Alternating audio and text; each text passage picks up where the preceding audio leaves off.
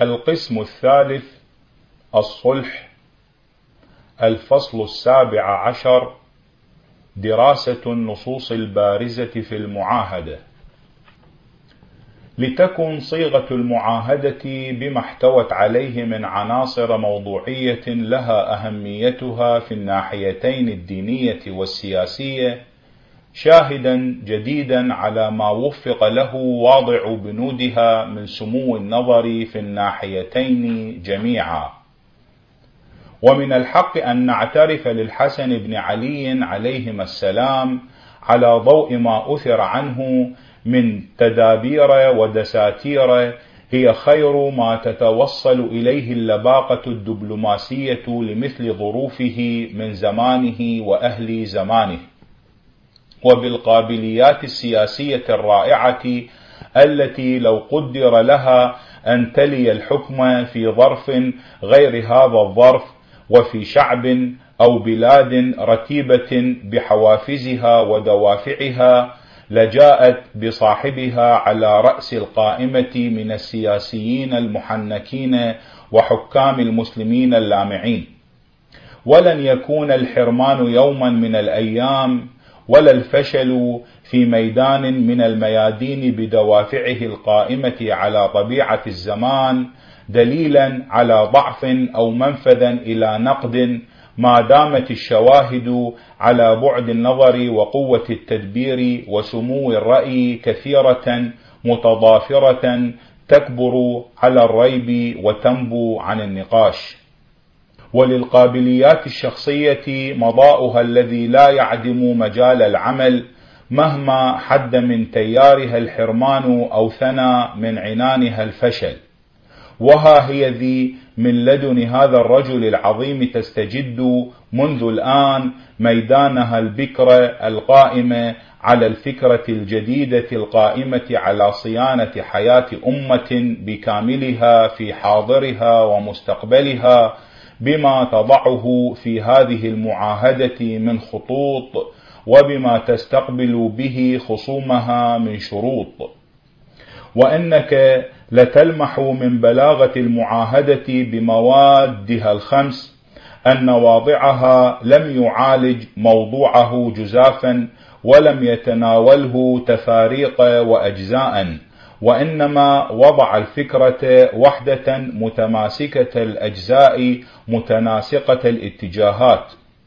وتوفر فيها على تحري أقرب المحتملات إلى التنفيذ عمليا في سبيل الاحتياط لثبوت حقه الشرعي وفي سبيل صيانة مقامه ومقام أخيه وتيسير شؤون أسرته وحفظهم واعتصم فيها بالأمان لشيعته وشيعة أبيه وانعاش أيتامهم ليجزيهم بذلك على ثباتهم معه ووفائهم مع أبيه. وليحتفظ بهم أمناء على مبدئه وأنصارا مخلصين لتمكين مركزه ومركز أخيه يوم يعود الحق إلى نصابه. وسلم فيها الأمر إلى معاوية مشروطا بالعمل على سنة النبي صلى الله عليه وآله وسيرة الخلفاء الصالحين. فقلص بذلك من نفوذ عدوه في الأمر بما عرضه من وراء هذا الشرط للمخالفات التي لا عد لها ولا حد لنقمتها. وهو إذ ذاك أعرف الناس بمعاوية وبقابلياته الخلقية تجاه هذا الشرط. والمعاهدة بعد هي الصك الذي وقعه الفريقان ليسجل على أنفسهما الالتزام بما أعطى كل منهما صاحبه وبما أخذ عليه. وهي هنا على الأكثر قضية ماديات محدودة لج في تحصيلها أحد الفريقين لقاء معنويات لا حد لها استأثر بها الفريق الثاني. فلم يهدف معاوية في صلحه مع الحسن عليه السلام إلا للاستيلاء على الملك ولم يرضى الحسن بتسليم الملك لمعاوية إلا ليصون مبادئه من الانقراض وليحفظ شيعته من الإبادة وليتأكد السبيل إلى استرجاع الحق المغصوب يوم موت معاوية. ومن سداد الرأي أن لا نفهم مغزى هذه المعاهدة إلا على هذا الوجه. ولكي نتبين صحة هذا التفسير لأهداف الفريقين يوم صلحهما علينا أن نتحلل هنا في سبيل الكشف عن حقيقة تاريخية لها أهميتها من التعبد بأقوال المؤرخين وبتصرفاتهم وأن نرجع توا إلى التصريحات الشخصية التي فاه بها كل من المتعاقدين أنفسهما فيما يمت إلى عناصر اتفاقيتهما هذه أو فيما يلقي الضوء على تفسير ما يفتقر إلى التفسير منها. ولعلنا سنصل من وراء هذا الأسلوب في طريقة الاستنتاج إلى حل شيء كثير من الرموز التي استعصى حلها على كثير من الأصدقاء في التأريخ. أولا تصريحات الفريقين. ويكفينا الآن من تصريحات معاوية بعد الصلح فيما يمت إلى معاهدته مع الحسن عليه السلام قوله فيما يرويه عنه كثير منهم ابن كثير حاشية في تأريخه في الجزء السادس في الصفحة المئتين والعشرين الرجوع إلى النص. رضينا بها ملكا وقوله في التمهيد لهذه المعاهدة قبل الصلح فيما كان يراسل به الحسن ولك أن لا يستولى عليك بالإساءة ولا تقضى دونك الأمور ولا تعصى في أمر. حاشية. ابن أبي الحديد الجزء الرابع الصفحة الثالثة عشرة. الرجوع إلى النص. ويكفينا من تصريحات الحسن عليه السلام ما قاله أكثر من مرة في سبيل إفهام شيعته حيثيات صلحه مع معاوية. ما تدرون ما فعلت. والله للذي فعلت خير لشيعتي مما طلعت عليه الشمس. وما قاله مرة أخرى لبشير الهمداني وهو أحد رؤساء شيعته في الكوفة ما أردت بمصالحتي إلا أن أدفع عنكم القتل. حاشية. الدينوري الصفحة الثالثة والمئتان الرجوع إلى النص. وما قاله في خطابه بعد الصلح. أيها الناس إن الله هداكم بأولنا وحقن دماءكم بآخرنا وقد سالمت معاوية وإن أدري لعله فتنة ومتاع إلى حين. حاشية. اليعقوبي الجزء الثاني الصفحة الثانية والتسعون والمئة الرجوع. إلى النص. وليس في شيء من هذه التصريحات ولا في الكثير مما جرى على نسقها سواء من معاوية أو من الحسن عليه السلام ما يستدعينا إلى الالتواء في فهم العقد القائم بينهما الذي لم يقصد منه إلا الأهداف التي أشرنا إليها آنفا. فلمعاوية طموحه إلى الملك وللحسن خطته في حماية الشيعة من القتل وصيانة المبادئ الدينية التي هي خير مما طلعت عليه الشمس والمسالمة إلى حين.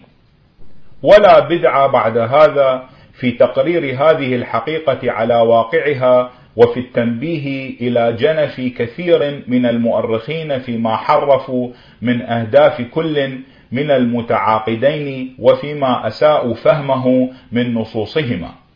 ولقد ترى أن المعاهدة نفسها وتصريحات المتعاقدين أنفسهما لم تنبس قط بذكر بيعة ولا إمامة ولا خلافة فأين إذا ما يدعيه غير واحد من هؤلاء المؤرخين وعلى رأسهم ابن قتيبة الدينوري من أن الحسن بايع معاوية على الإمامة. وقبل الانتقال إلى مناقشة هذا الموضوع ومناقشة القائلين به نتقدم بتمهيد عابر عن نسبة الخلافة الإسلامية إلى معاوية ابن أبي سفيان وامتناع البيعة الشرعية لمثله فنقول معاوية والخلافة.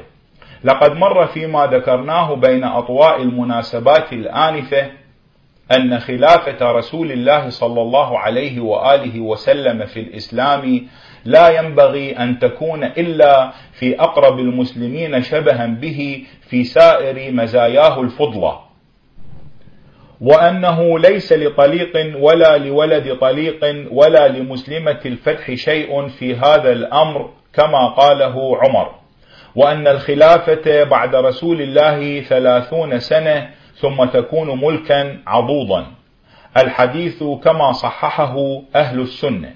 وأن لا إمامة إلا بالنص والتعيين كما عليه الشيعة والمعتزلة.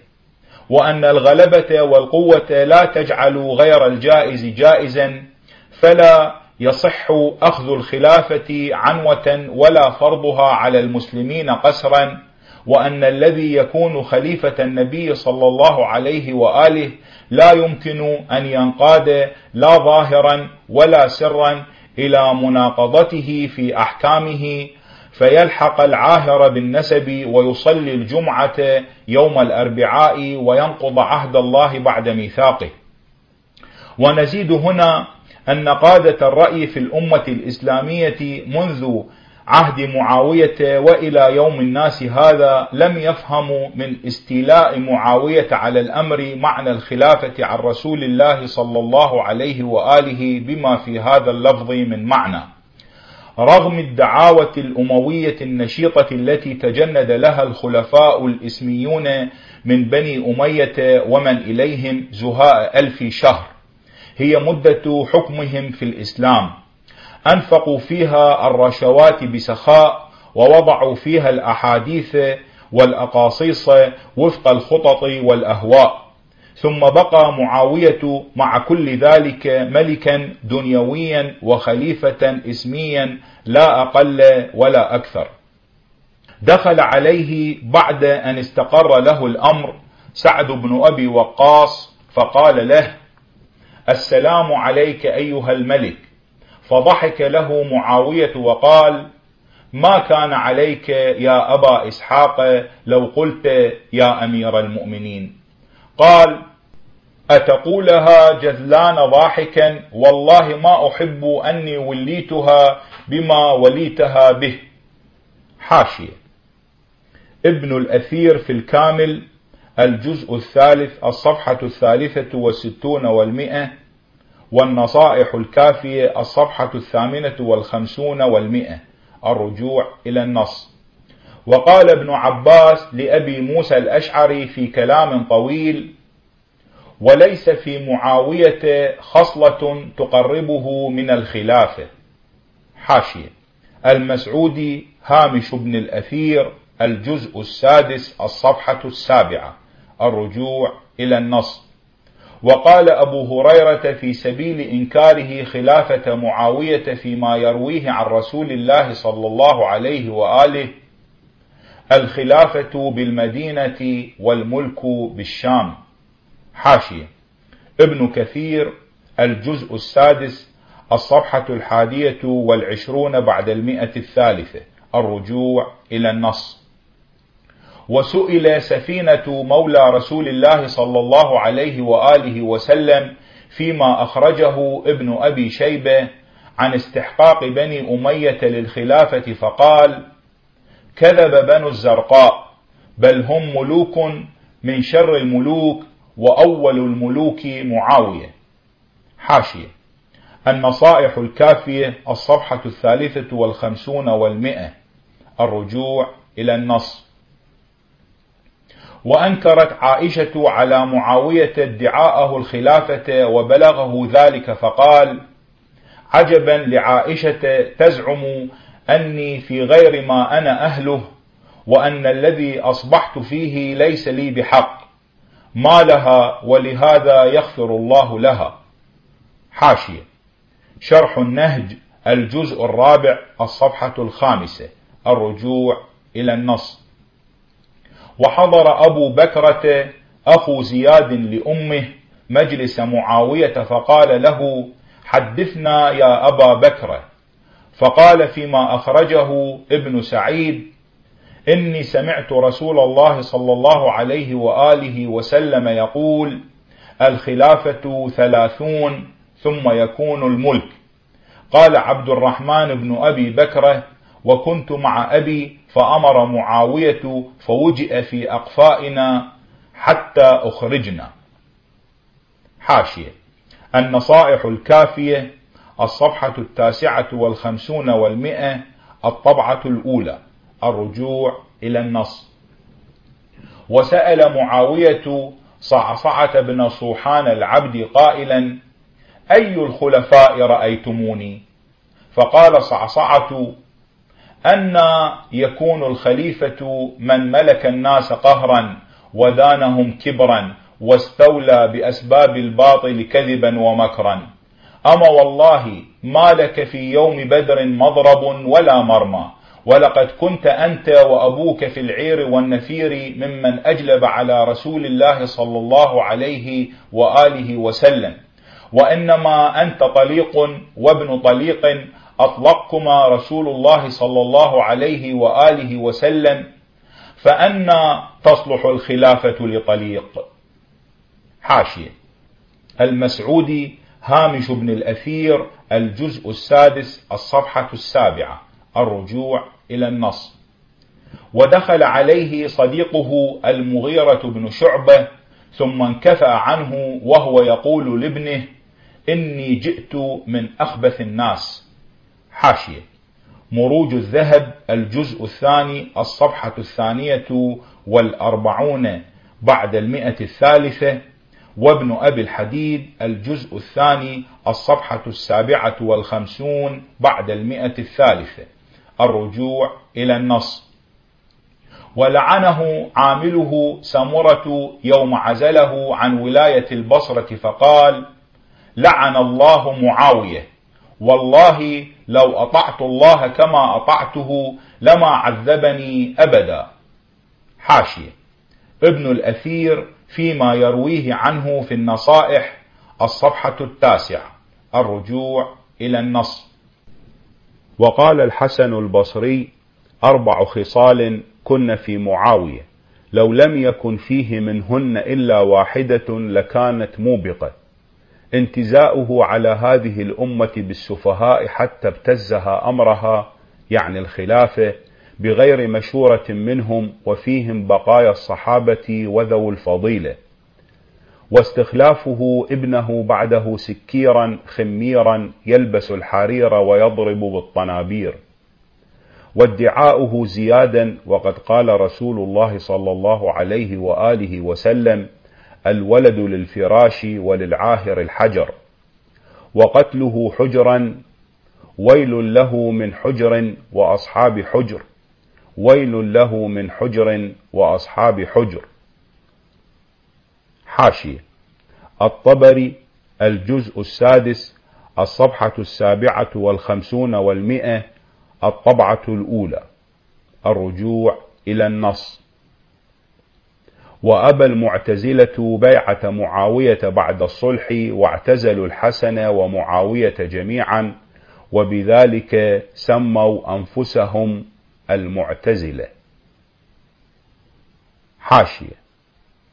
كتاب التنبيه والرد على أهل الأهواء والبدع لمحمد بن أحمد الملطي المتوفى سنة 377 للهجرة الصفحة الثامنة والعشرون الرجوع إلى النص.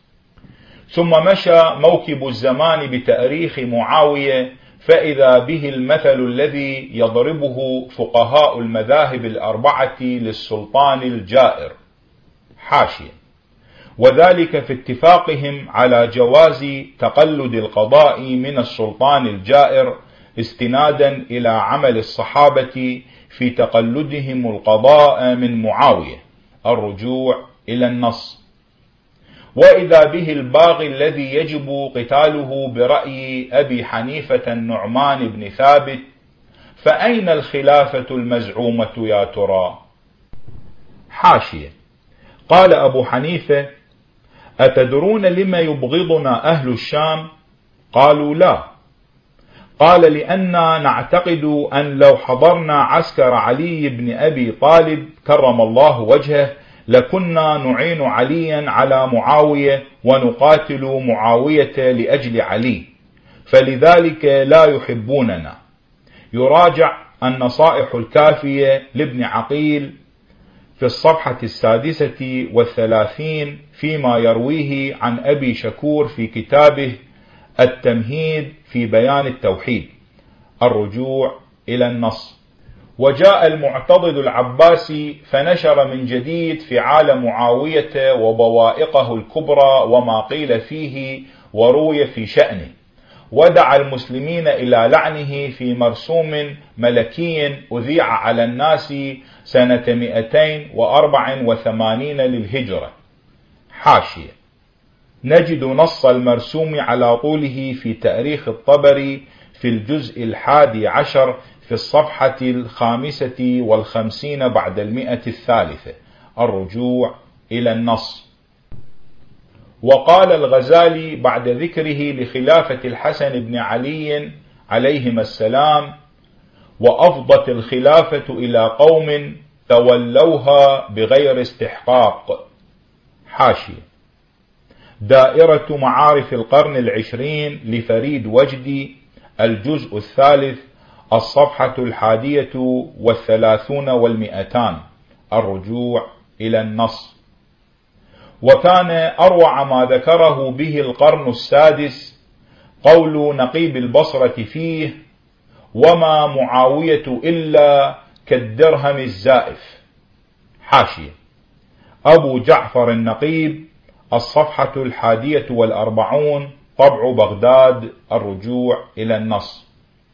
وصرح ابن كثير بنفي الخلافة عن معاوية استنادا إلى الحديث قال قد تقدم أن الخلافة بعده عليه السلام ثلاثون سنة ثم تكون ملكا وقد انقضت الثلاثون بخلافة الحسن بن علي فأيام معاوية أول الملك. حاشية. البداية والنهاية الجزء الثامن الصفحة التاسعة عشرة. الرجوع إلى النص. وقال الدمير المتوفى سنة ثمانمائة وثمان للهجرة بعد ذكره مدة خلافة الحسن عليه السلام وهي تكملة ما ذكره رسول الله صلى الله عليه وآله وسلم من مدة الخلافة ثم تكون ملكا عضوضا ثم تكون جبروتا وفسادا في الأرض. وكان كما قال رسول الله صلى الله عليه وسلم حاشية. حياة الحيوان الجزء الأول الصفحة الثامنة والخمسون الرجوع إلى النص وجاء محمد بن عقيل أخيرا فكتب كتابه الجليل النصائح الكافية لمن يتولى معاوية وهو بحق القول الفصل في موضوع معاوية وقد طبع الكتاب مرتين فليراجع. وفي إباء التشريع الإسلامي مثل هذه الخلافة أولا وفي المخالفات الصلع التي ثبتت على معاوية للنبي صلى الله عليه وآله وسلم ثانيا وفي إنكار قادة الرأي المسلمين عليه في مختلف العصور الإسلامية ادعاءه الخلافة ثالثا ما يكفينا مؤونة البحث في موضوع معاوية والخلافة.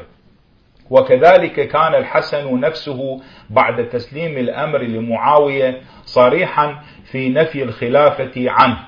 شأنه في ذلك شأن سائر القادة من المسلمين فقال في خطابه يوم الاجتماع في الكوفة وإن معاوية زعم أني رأيته للخلافة أهلا ولم أر نفسي لها أهلا فكذب معاوية. نحن أولى الناس بالناس في كتاب الله عز وجل وعلى لسان نبيه وسيأتي ذكر خطابه هذا في الفصل الثامن عشر. وقال في خطاب آخر له بعد الصلح وكان معاوية حاضرا وليس الخليفة من دان بالجور وعطل السنن واتخذ الدنيا أبا وأما ولكن ذلك ملك أصاب ملكا يمتع به وكان قد انقطع عنه واستعجل لذته وبقيت عليه تبعته فكان كما قال الله عز وجل وإن أدري لعله فتنة ومتاع إلى حين. حاشية. ذكرها البيهقي في المحاسن والمساوئ في الجزء الثاني في الصفحة الثالثة والستين وذكرها غيره. الرجوع إلى النص. ثانيا حديث البيعة. وجاء فيما يرويه الكليني رحمه الله في الصفحة الحادية والستين أن الحسن اشترط على معاوية أن لا يسميه أمير المؤمنين. وجاء فيما يرويه ابن بابويه رحمه الله في العلل في الصفحة الحادية والثمانين ورواه غيره أيضا أن الحسن اشترط على معاوية أن لا يقيم عنده شهادة. ولا أكثر مما تضمنته هاتان الروايتان تحفظا عن الاعتراف بصحة خلافة معاوية فضلا عن البيعة له. ولم يكن ثمة إلا تسليم الملك الذي عبرت عنه المعاهدة بتسليم الأمر وعبر عنه آخرون بتسليم الحكم.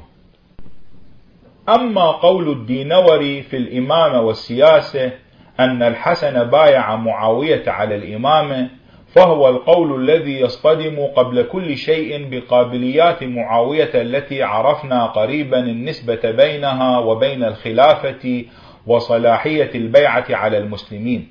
ويصطدم ثانيا بتصريحات الحسن في إنكار خلافة معاوية سواء في خطابيه الآنفين أو في تحفظاته الواضحة في هاتين الروايتين.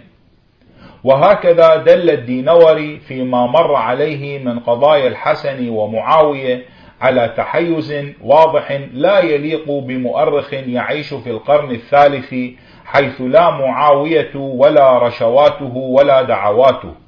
ولكنها الدوافع العاطفية التي لم يسلم من تأثيرها كثير من مؤرخين المسلمين. فقال مرة أخرى ولم يرى الحسن والحسين طول حياة معاوية منه سوءا في أنفسهما ولا مكروها. أقول وأي سوء يصاب به إنسان أعظم من قتله سما؟ وأي مكروه ينزل بإنسان أفظع من اغتصاب عرشه ظلما؟ فأين مقاييس الدينور بعد هذا يا ترى؟ ونحن إذ أردنا هنا أن نتعسف للمتسرعين إلى ذكر البيعة عذرا أو شبه عذر حملناهم على التأثر بالدعوات الكثيرة التي كانت لا تزال آخذة بالأسماع. ولم يكن في التأريخ قضية أبرز من انتقال الحكم في الإسلام من سبط النبي نفسه إلى طليق من الطلقاء المعروفين بتأريخهم القريب. ولذلك فقد بلغ الكلف بالمنكرين على الصلح حدا استساغوا به الاسترسال في ذيوله وحواشيه. فحوروا ما كان وزوروا ما لم يكن. ومن هنا سج الخيال حديث البيعة وكان في اللغط بهذا الحديث المصطنع غرض قوي للقوة القائمة على الحكم بعد حادثة الصلح. لأنه الدعامة التي تسند دعاوتهم باستحقاق الخلافة المزعومة الأمر الذي تصايح المسلمون بإنكاره لهم وإنكارهم له.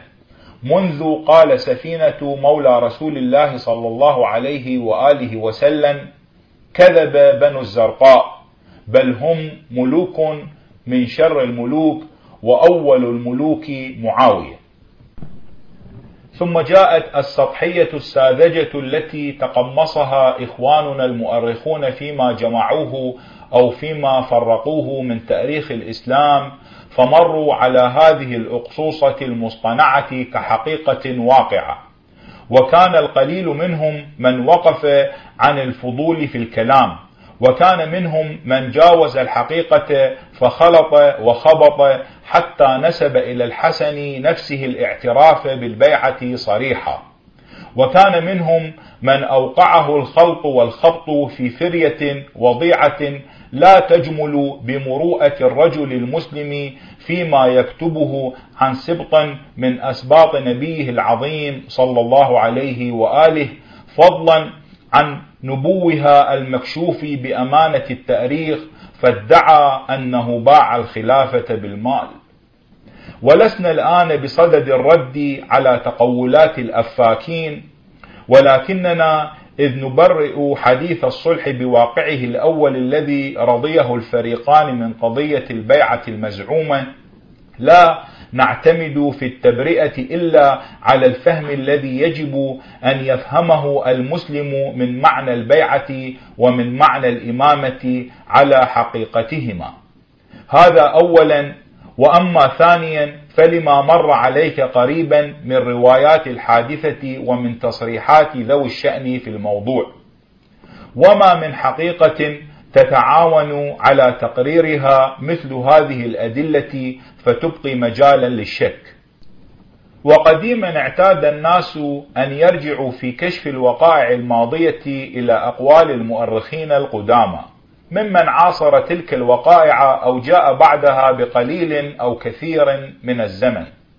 وكان من الجمود على هذه الطريقة ما أدى في الأجيال المتأخرة إلى مختلف الآراء وشتى التحزبات بين المجتمع الواحد وفي الأفق الواحد والدين الواحد.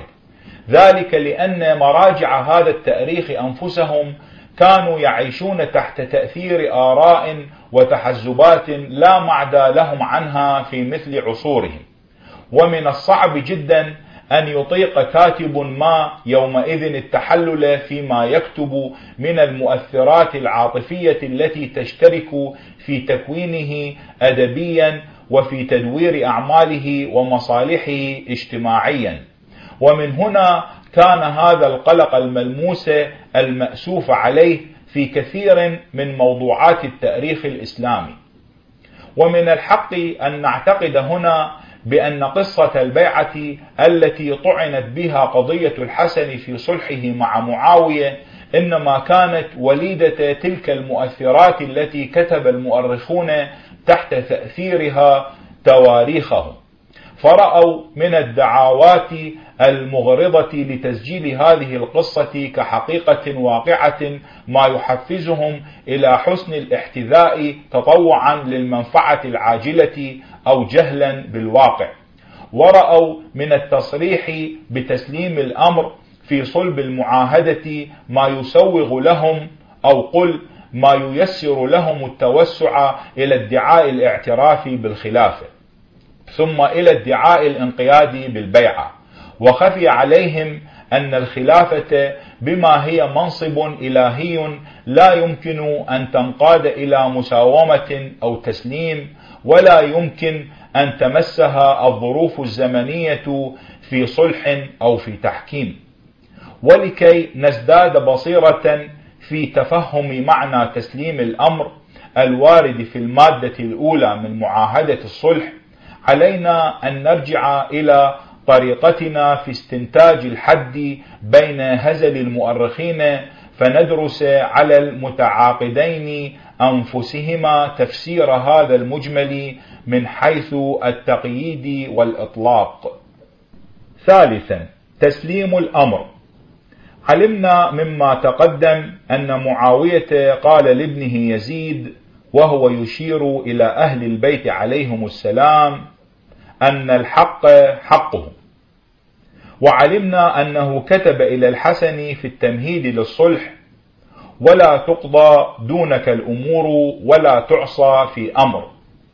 وعلمنا أنه قال بعد الصلح رضينا بها ملكا. وعلمنا أنه خطب على منبر الكوفة يوم وصوله إليها فقال إني لم أقاتلكم لتصلوا ولا لتزكوا وإنما قاتلتكم لأتأمر عليكم.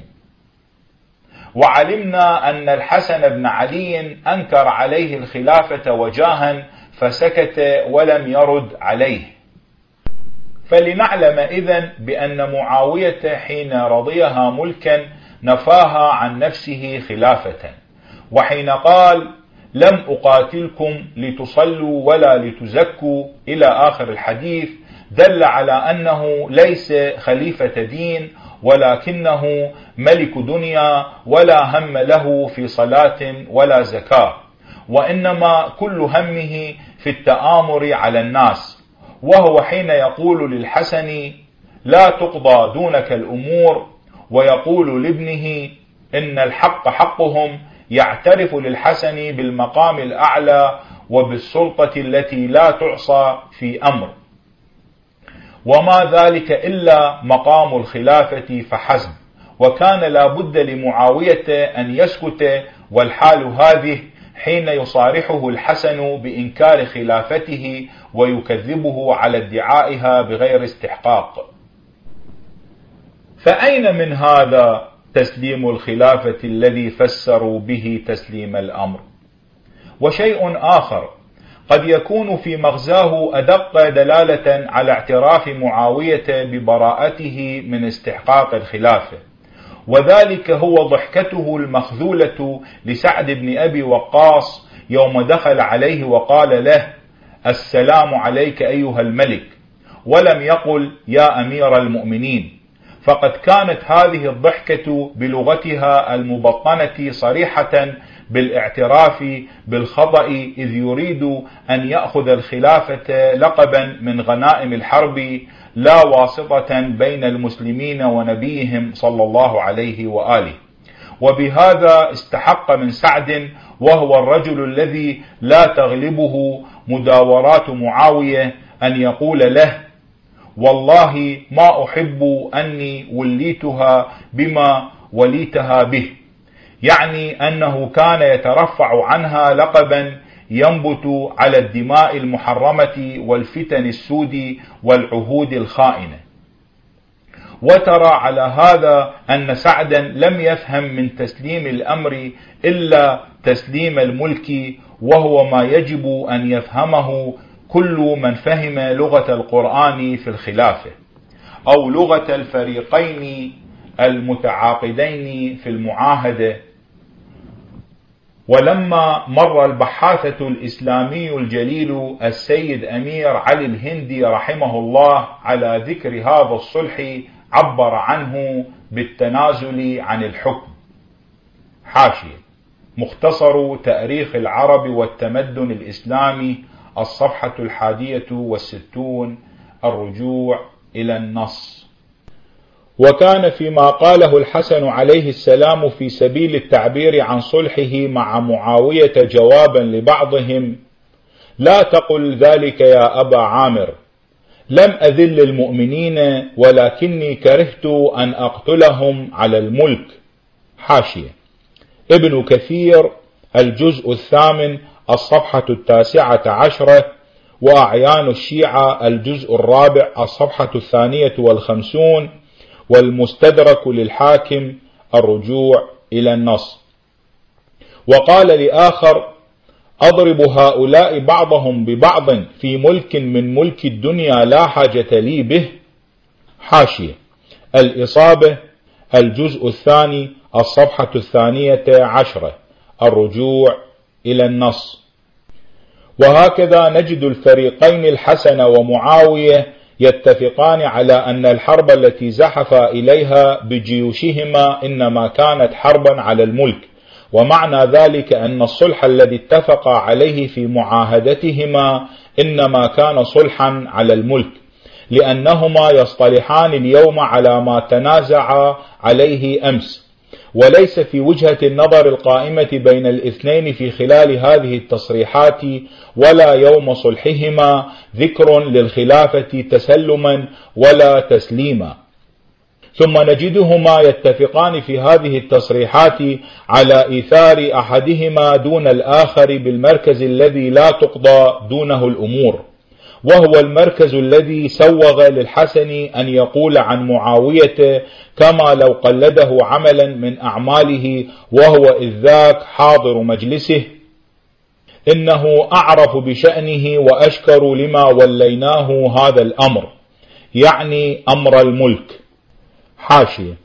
المحاسن والمساوئ للبيهقي الجزء الأول الصفحة الرابعة والستون. الرجوع إلى النص. أقول وكم هو الفرق بين هذا المركز وبين ما توهمه المتحذلقون من حديث البيعة أو من تفسير تسليم الأمر بتسليم الخلافة؟ وكانت فيما نظن غلطة سبق إليها كاتب عن قصد ثم أخذها عنه كتاب عن غير قصد. واندست على مثل هذا الأسلوب أخطاء كثيرة في التأريخ شوهت من حقائقه وبدلت من روعته وضاعفت من جهد الباحثين فيه. ثم إذا أنت عنيت بموضوعك فدققت مراجعه رأيته لا يرجع إلا إلى أصل واحد ثم إذا محصت الأصل رأيته لا يرجع إلى أصل.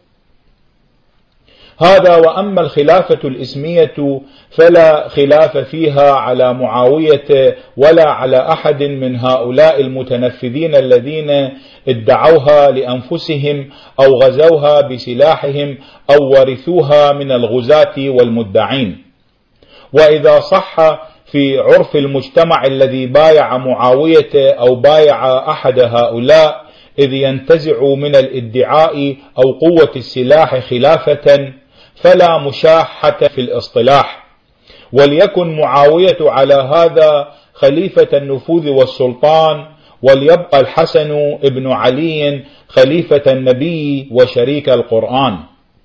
وليكن ما ورد في بعض النصوص على تقدير صحة السند والأمن من التحريف تطبيقا عمليا لاستعمال الكلمة في مصطلحها الجديد.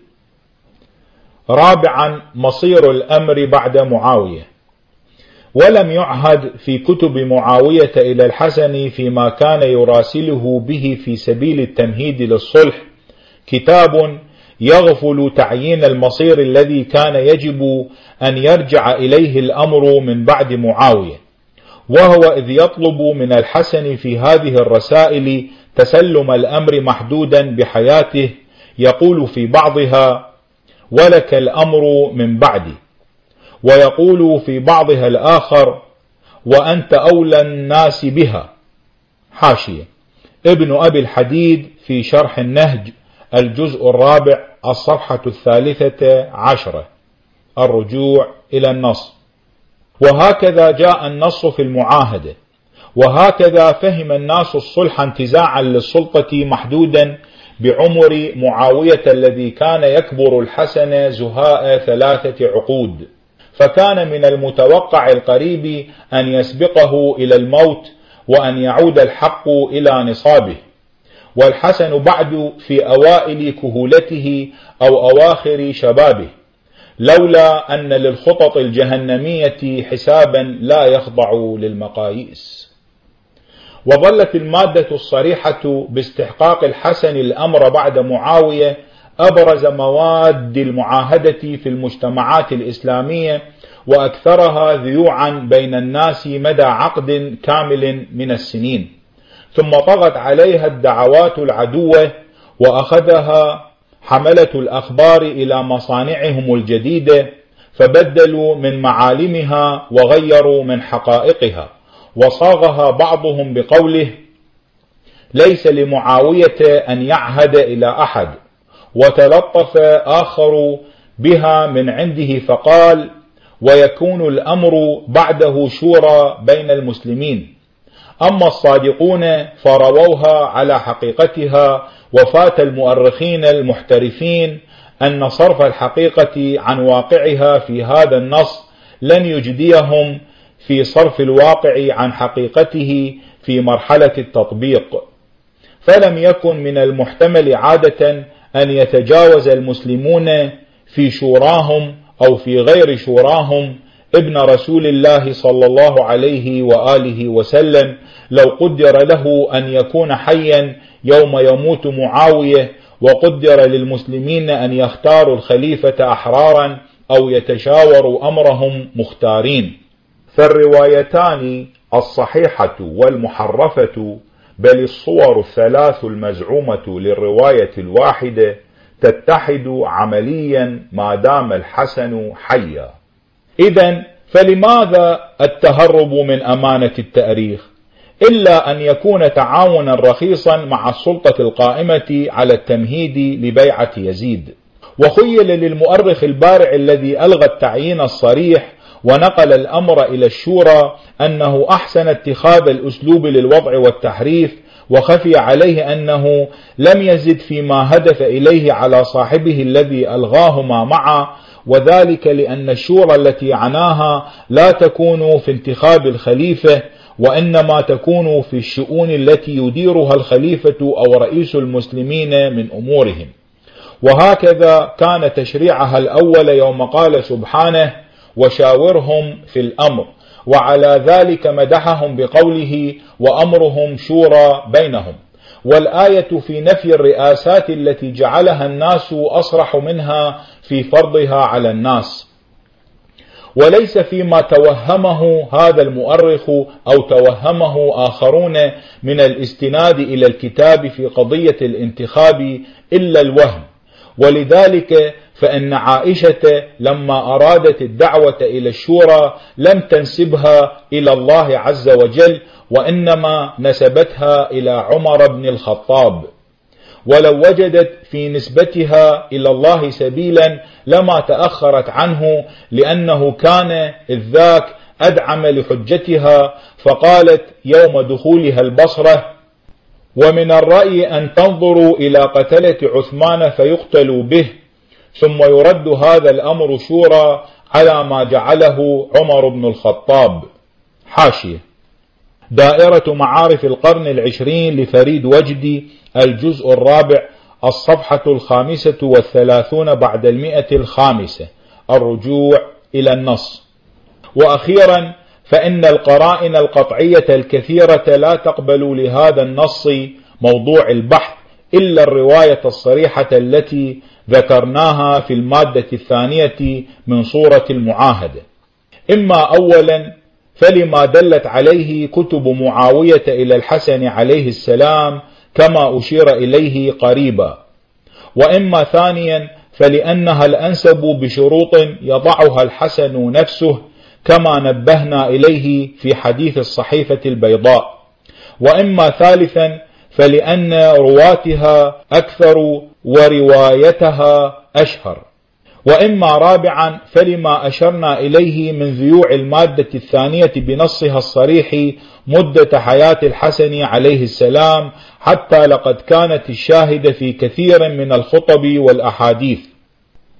فنرى سليمان بن صرد يشير إليها فيما يعرضه للحسن بعد الصلح ونرى جارية بن قدامة يذكر لمعاوية حق الحسن بالأمر بعده كقرار معروف ونرى الأحنف بن قيس يرسله إرسال المسلمات في خطبته التي يرد بها على البيعة ليزيد وهو إذ ذاك يخاطب معاوية نفسه في حفل حاشد. قال وقد علمت أنك لم تفتح العراق عنوة ولم تظهر عليه مقصا ولكنك أعطيت الحسن بن علي من عهود الله ما قد علمت ليكون له الأمر من بعدك.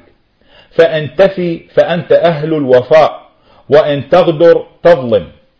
والله إن وراء الحسن خيولا جيادا وأذرعا شدادا وسيوفا حدادا إن تدن له شبرا من غدر تجد وراءه باعا من نصر. وأنك تعلم من أهل العراق ما أحبوك منذ أبغضوك. حاشية.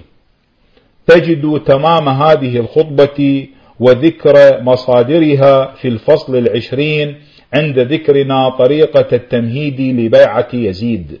الرجوع إلى النص. إلى كثير من الشواهد الأخرى التي يزهدنا في استيعابها رغبتنا في الاختصار. خامسا بقية المواد. ولقد ترى إلى هنا بأن دراستنا للنقاط البارزة في مواد المعاهدة لم تتجاوز المادتين الأولى والثانية. أما المادة الثالثة فقد سبق في الفصل الرابع عشر مناقشة معاوية في موضوعها كما يجب فليراجع. وسبق في الكلام على حديث الصحيفة البيضاء التي أرسلها معاوية إلى الحسن عليه السلام ليكتب عليها ما يشاء من شروط في الفصل السادس عشر. أن حديث هذه الصحيفة هو القرينة على ترجيح ما يكون من روايات المعاهدة أقرب إلى صالح الحسن منه إلى صالح خصومه. وعلى هذا فالمادة الثالثة لا تعني إلا الإطلاق في منع معاوية من شتم أمير المؤمنين علي عليه السلام سواء حضر الحسن أو غاب. ولا يؤخذ بما ألحقه بها بعض المؤرخين من اشتراط الامتناع عن السب بحال حضور الحسن واستماعه. ولا هو مما يتمشى مع روح الصلح إذا كان الفريقان في صدد صلح حقيقي وتفاهم دائم. حاشي قاله ابن الأثير في الجزء الثالث في الصفحة الثانية والستين والمئة وقال بعده ثم لم يف به أيضا الرجوع إلى النص. وأما المادة الرابعة فلم تكن في حقيقتها إلا استثناء متصلا من الماديات التي اشترطت المعاهدة تسليمها لمعاوية. ومعنى ذلك أن المعاهدة سلمت لمعاوية ما أراد من الملك عدا المبالغ المنوه عنها في هذه المادة. فاستأثر الحسن بها لنفسه ولأخيه ولشيعته وكانت من حقوقه التي جعل له الله تعالى التصرف فيها واختار من الخراج الحلال فيما استثنى أبعده عن الشبهات من الوجهة الشرعية وهو خراج دار أبجرد. حاشية. قال في الكامل في الجزء الثالث في الصفحة الثانية والستين والمئة وأما خراج دار أبجرد فإن أهل البصرة منعوه وقالوا هو فيئنا لا نعطيه أحدا. قال وكان منعهم بأمر معاوية أيضا الرجوع إلى النص. أقول وأين هذا التفسير مما تطاول به بعضهم من التحامل الجريء والافتئات البذيء على مقام الإمام الحسن بن علي عليهما السلام حين أساء فهم هذه المادة فخلق من هذه الأموال ثمنا للخلافة ومن الحسن بائعا ومن معاوية مشتريا. وكان الأولى بهذا الفهم البليد الذي هان عليه أن يتصور الثمن والمثمن كليهما من البائع ثم يدعي مع ذلك وقوع البيع أن لا يتعرض فيما يكتب للموضوعات التي تكشف لقارئه بلادته فيسيء إلى نفسه قبل أن يسيء إلى موضوعه. وقد مر في معنى الخلافة لذاتها وفي قابليات معاوية للخلافة ما يكفينا القول باستحالة هذا الهذر ولا نعيد. وأما المادة الخامسة فللفصول القريبة الآتية ما تحمله عنها.